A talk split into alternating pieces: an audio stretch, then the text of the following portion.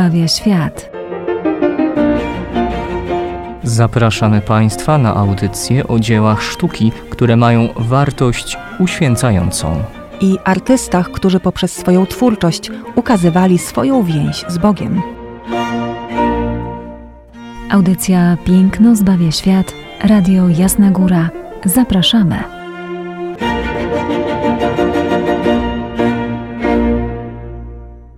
W audycji Piękno zbawia świat witają Państwa Ojciec Tomasz Mordziałek i Izabela Banaszewska.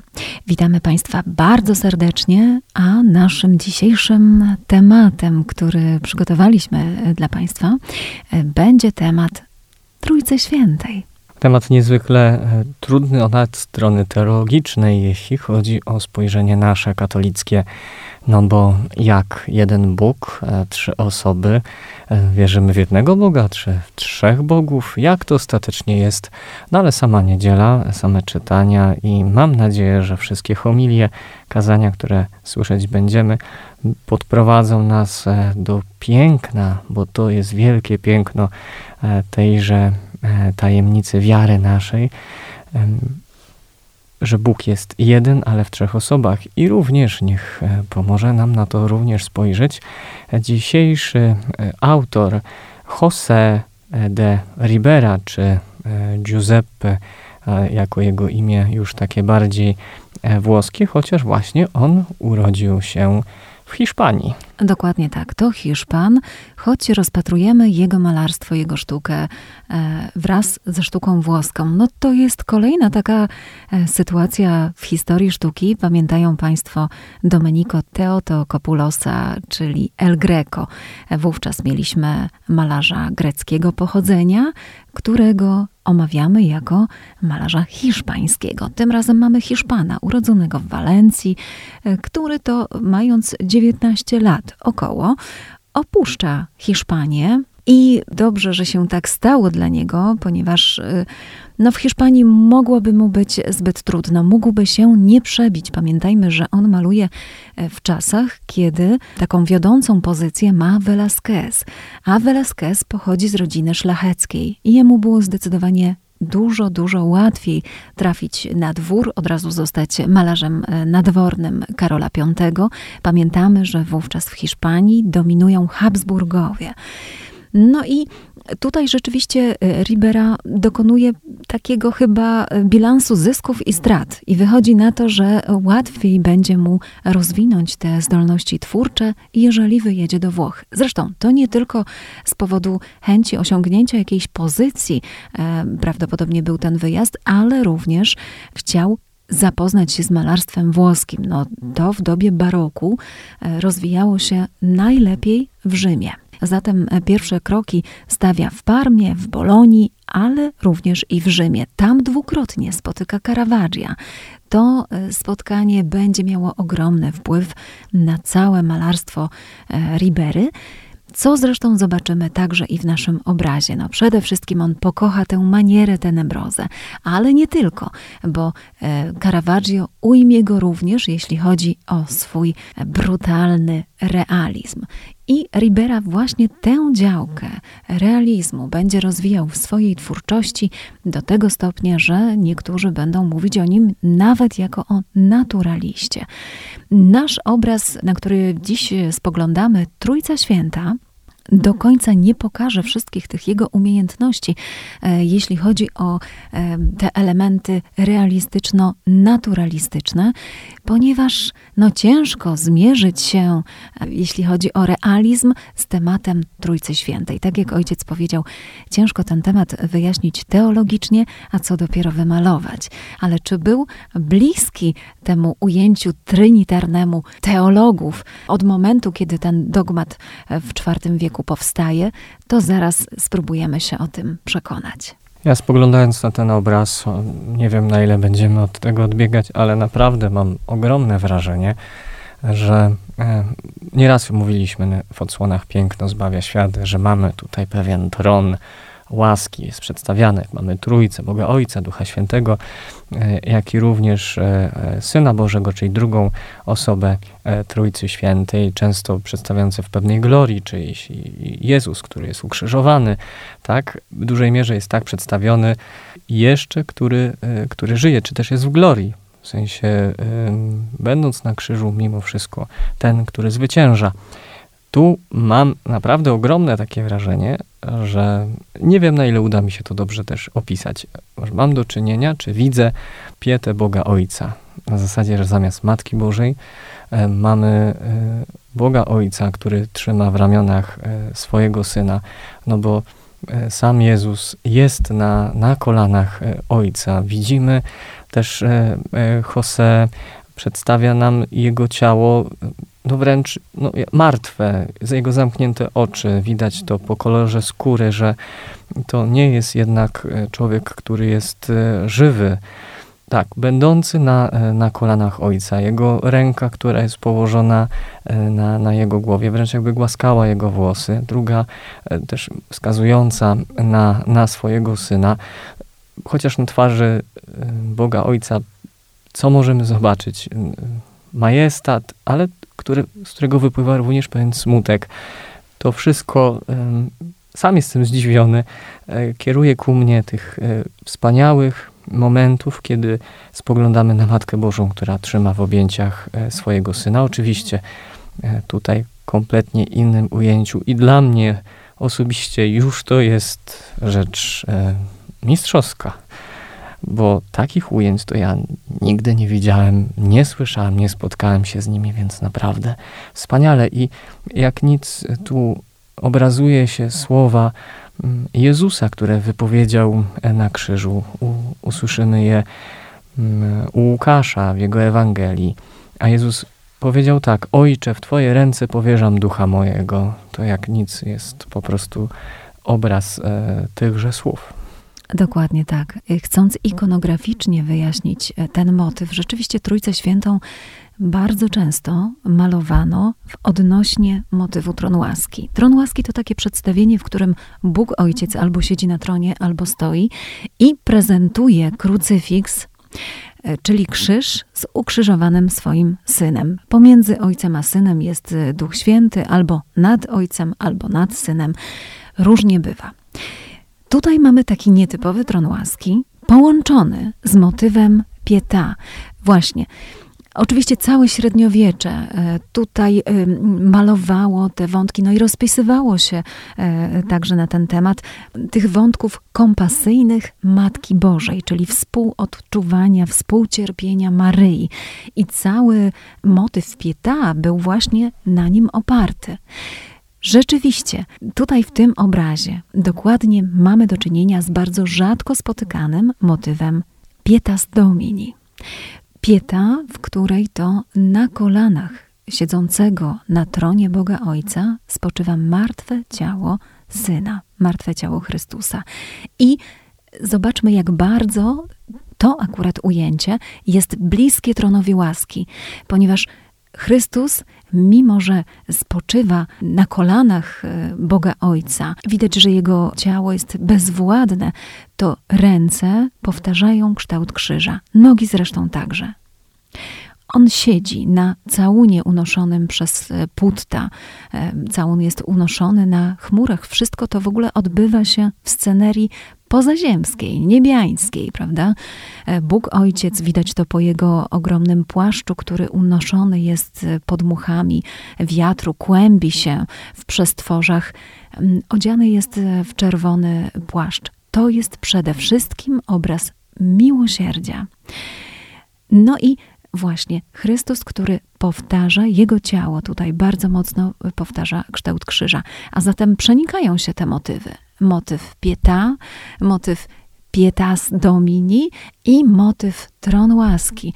Ten obraz jest jak gdyby na styku wszystkich tych trzech. Zdecydowanie mówi tutaj o współcierpieniu Boga Ojca. No i oczywiście jego ogromnym miłosierdziu. E, czerwień przyzwyczailiśmy się do tego, że jest e, kolorem oczywiście męki, I także tę mękę tutaj wyraża. Zresztą e, Chrystus oczywiście ma na ciele e, wszystkie e, znamiona męki. Ma przebite ręce, nogi i bok. Ale w tym momencie czerwona szata Boga Ojca, jego skupione spojrzenie i jego twarz pełna nie tylko właśnie spokoju, ale także i cierpienia, wyraża miłosierdzie. I to jest przede wszystkim e, główna idea, jaką chciał Ribera oddać w swoim obrazie. Wiele szczegółów nam tutaj o tym mówi, za chwileczkę do nich dojdziemy, ale e, właśnie miłosierdzie Boga.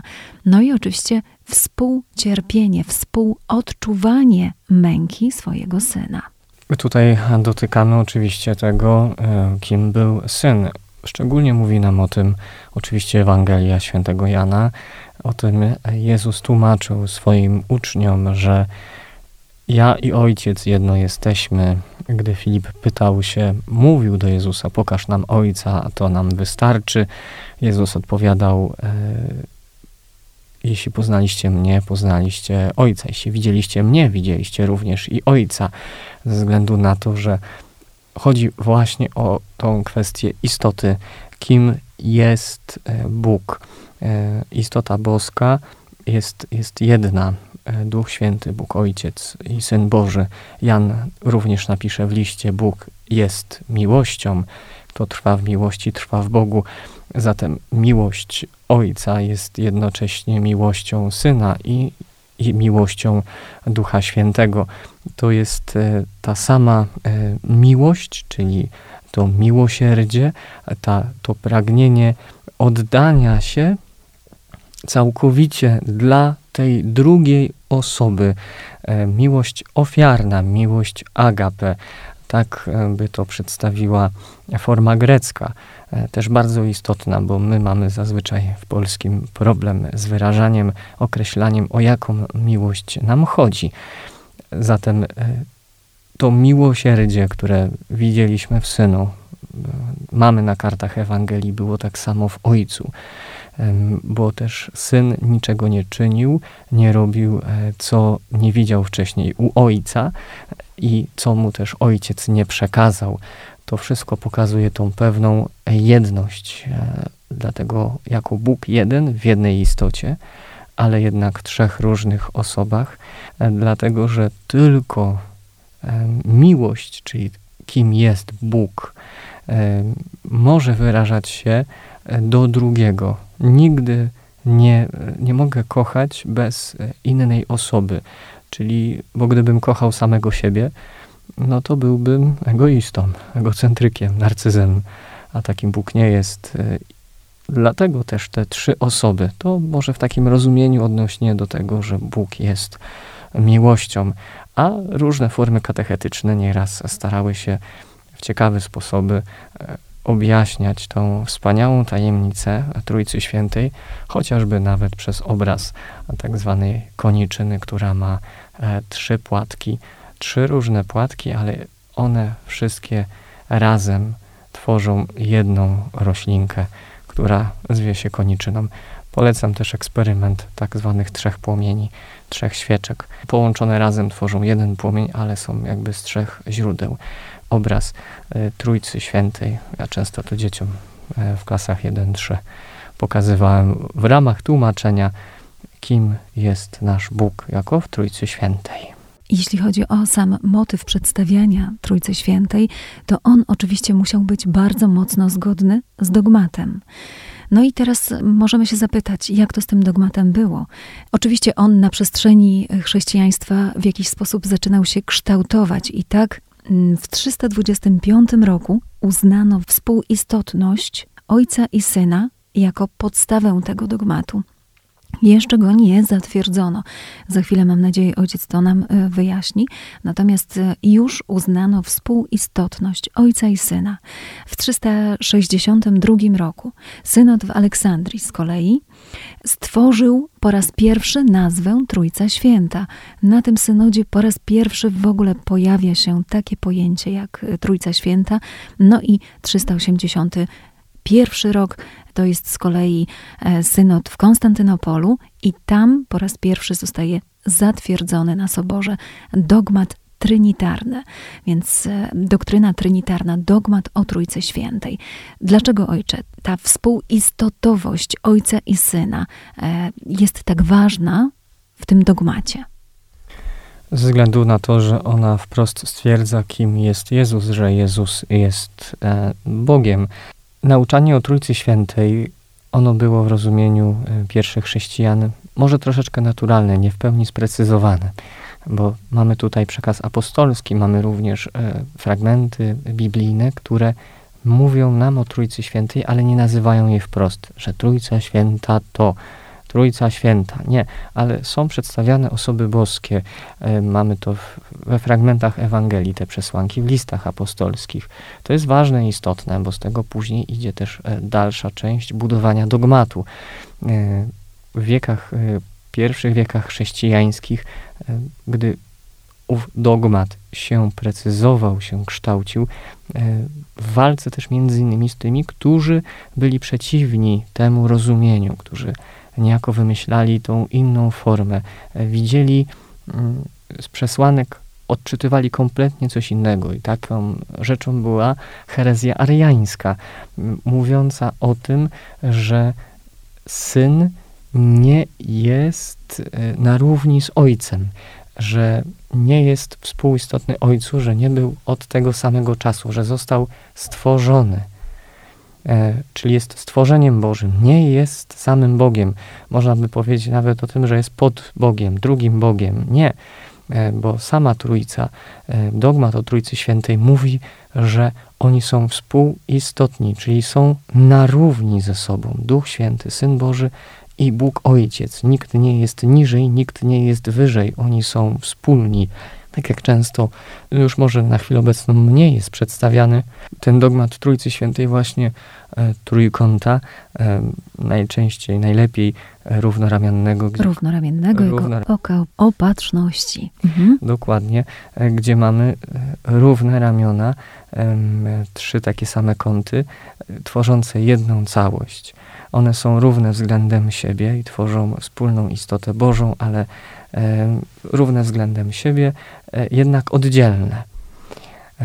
To, to jest ważne. Wracając e, do Ariusza, e, paradoksalnie dzięki niemu możemy się cieszyć pełnym dogmatem Trójcy Świętej, który został przynajmniej po części jest wyrażony w naszym credo, czyli wyznaniu wiary, który mm, mamy w trakcie chociażby niedzielnych Eucharystii czy inaczej też symbolu wiary. Wierzę w Ducha Świętego Pana i Ożywiciela, który od Ojca i Syna pochodzi, który z Ojcem i Synem wspólnie odbiera uwielbienie i chwałę, który mówił przez proroków. Znamy to na pamięć, a istotną rzeczą, co tutaj jest, to są i. Wszędzie jest i, nie lub, nie albo, e, nie e, pod, przed, jakokolwiek, ale zawsze jest i, czyli daje nam to w zdaniu pewną rzecz logiczną na tej zasadzie, że też, tak samo, w ten sam sposób. Gdyby nie było dogmatu Trójcy Świętej, nie byłby konkretnie sprecyzowany, pewne rzeczy teologiczne później kompletnie inaczej by wyglądały, inaczej byśmy rozumieli wiele różnych rzeczy e, i moglibyśmy oddawać wątpliwość chociażby e, miłość Bożą, że to nie Bóg jednak e, stępuje do nas, nie ten najwyższy, nie ojciec, ale kogoś sobie posłał, tak, że posłał sobie syna, bo on sam nie chciał. I jest tu wątpliwość samej miłości. Wiele różnych innych rzeczy Bóg raczy wiedzieć, co byśmy mogli z tego wszystkiego wymyślić i jak skrzywić sobie obraz Boży. E, zatem ta niezwykła tajemnica Trójcy Świętej, trudna, to prawda. W wierze nie wszystko jest w pełni zrozumiałe dla nas, ale e, tak bardzo potrzebna e, i dlatego też w pierwszych wiekach chrześcijańskich było zmaganie akurat między z tą prawdą, mówimy tu o bóstwie, e, bóstwie również e, Syna, to też inne, inne sobory, inne, inne spory i też inne herezje w tej kwestii. Dlatego możemy dziękować e, za ten dogmat, za to, że to już się wydarzyło 1600-1700 lat temu i dzisiaj możemy przypatrywać się pięknemu owocowi tejże wspaniałej prawdy wiary o Trójcy Świętej, że są trzy osoby tej samej natury. Bardzo głęboki jest to temat, jak słyszymy, i trudny jednocześnie. I ten trudny temat, e, zobaczmy, że José Ribera zobrazował e, w przepiękny sposób. Trzy aspekty. Wspominałam już o tym, że bardzo mocny nacisk położony na ofiarę. I teraz zobaczmy ofiarę syna, bo widzimy tutaj martwe ciało Chrystusa. E, dodatkowo o tej jego ofierze mówi nam także całun. Jest to moment, pamiętajmy, po zdjęciu z krzyża, ale jeszcze przed zmartwychwstaniem. Tutaj pojawia się całun, bardzo ważne. Wiemy o tym, że oczywiście w czasach nowożytnych Ribera musiał już wiedzieć o istnieniu całunu. I teraz co się dzieje? Y, całun to, jak wiemy, świadek męki i zmartwychwstania Chrystusa. On go tutaj umieszcza, ale jeszcze na tym całunie nie ma wizerunku postaci zmarłej osoby, prawda? To jest bardzo ważny element, bardzo ważny świadek. Putta trzymają całun, na którym to dopiero spoczywają nogi Chrystusa. Ramiona spoczywają na e, nogach Boga Ojca.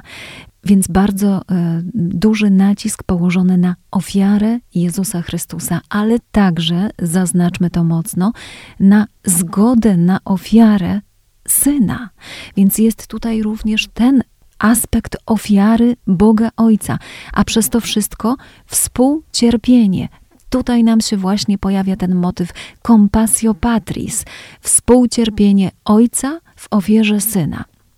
No i za pomocą przedziwnego połączenia tutaj trzech motywów ikonograficznych, jakimi są Pietas Domini, widzimy ten miłosierny płaszcz Boga Ojca ogarniający całe to przedstawienie, Compassio Patris, e, położenie nacisku na ofiarę odkupieńczą i właśnie tron łaski. No bo de facto, jeżeli patrzymy w pionie, mamy tutaj zaznaczony, jakby nie patrzeć tron łaski, mamy Boga Ojca siedzącego na niewidzialnym wprawdzie tronie, podtrzymującego martwego Chrystusa, którego ciało powtarza kształt krzyża, pomiędzy nimi gołębica Ducha Świętego. W ten obraz wpisują się wszystkie trzy motywy ikonograficzne, o których tutaj dziś e, powiedzieliśmy. Pietas Domini, Compassio Patris i Tron Łaski właśnie. W przepiękny i w przedziwny sposób właśnie artysta ten niezwykle trudny teologicznie e, temat przedstawił, ukazując e, ciało Chrystusa e, rozciągnięte na świadku męki i zmartwychwstania, na całunie unoszonym przez Putta. Naprawdę bardzo wyjątkowy obraz. Spoglądając na pewno na e, te aniołki, bo to o tym mowa o puttas, tak? Putta, uskrzydlone putta. głowy, to tak. putta, tak. I one tutaj tak troszeczkę nam się kłócą, bo wiemy, że chcemy widzieć realistę w pędzlu Ribery, prawda? No chcemy widzieć i rzeczywiście tutaj tych elementów czerni jest bardzo dużo. E, Chrystus ma zaznaczone wszystkie oznaki męki bez sztucznego idealizowania. Twarz Boga Ojca jest e, spokojna, ale jest smutna. No ale tutaj, e, jeśli chodzi o realizm, no to takie stworzenia, właśnie jak uskrzydlone takie głowy, które nazywamy w baroku puttami, no to nam się trochę z tym realizmem, tudzież naturalizmem jeszcze bardziej zaczyna kłócić. Samo trzymanie płótna przez putta mówi mi, a czy mi osobiście mówi o pewnej bezpośredności po, po ofierze krzyżowej. E, często, gdy przedstawiane są na przykład w naszych kościołach groby, grób pański, gdy jest robiona dekoracja, często na krzyżu właśnie pojawia się owo płótno, które miało być pomocą do ściągnięcia e, ciała z krzyża. E, dlaczego też? Za pomocą płótna, gdyż e, jest już to ciało człowieka zmarłego, zatem dotknięcie go powoduje nieczystość rytualną, której Żydzi również chcieli uniknąć, dlatego przez tą formę płótna zdejmowali ciało co Rzymianie się będą tym zajmować. Oni co najwyżej by bardziej jeszcze je zmasakrowali.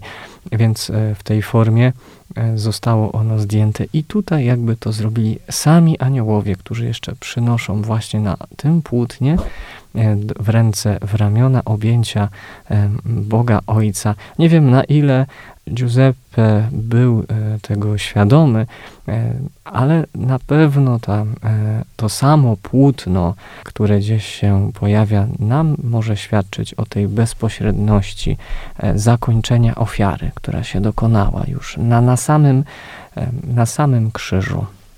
W tajemnicy Trójcy Świętej i jednocześnie pięknie tejże prawdy wiary możemy, cóż, zachęcić, żeby czy przez inne obrazy wielkich artystów, czy spojrzenia na to, co Lo Spagnoletto, bo taki przydomek również posiadał José de Ribera, zagłębić się w tą e, tajemnicę, pokontemplować ją, bo przecież mm, na pierwszy rzut oka w samym obrazie, też i przecież i w Słowie Bożym, które otrzymujemy, nie od razu wszystko widać. Zatem do tego zachęcamy szczególnie w ten czas uroczystości Trójcy Świętej. Tajemnica to bardzo trudna, ciężko ją było zgłębić nawet świętemu Augustynowi, jak pamiętamy z jego snu, ale zachęcamy do tego, żeby e, kontemplować ją może niekoniecznie umysłem, a bardziej sercem i będzie to dużo łatwiejsze. Dziękujemy dziś Państwu za spotkanie. Żegnają się z Wami ojciec Tomasz Mordziałek i Izabela Banaszewska. Do usłyszenia za tydzień.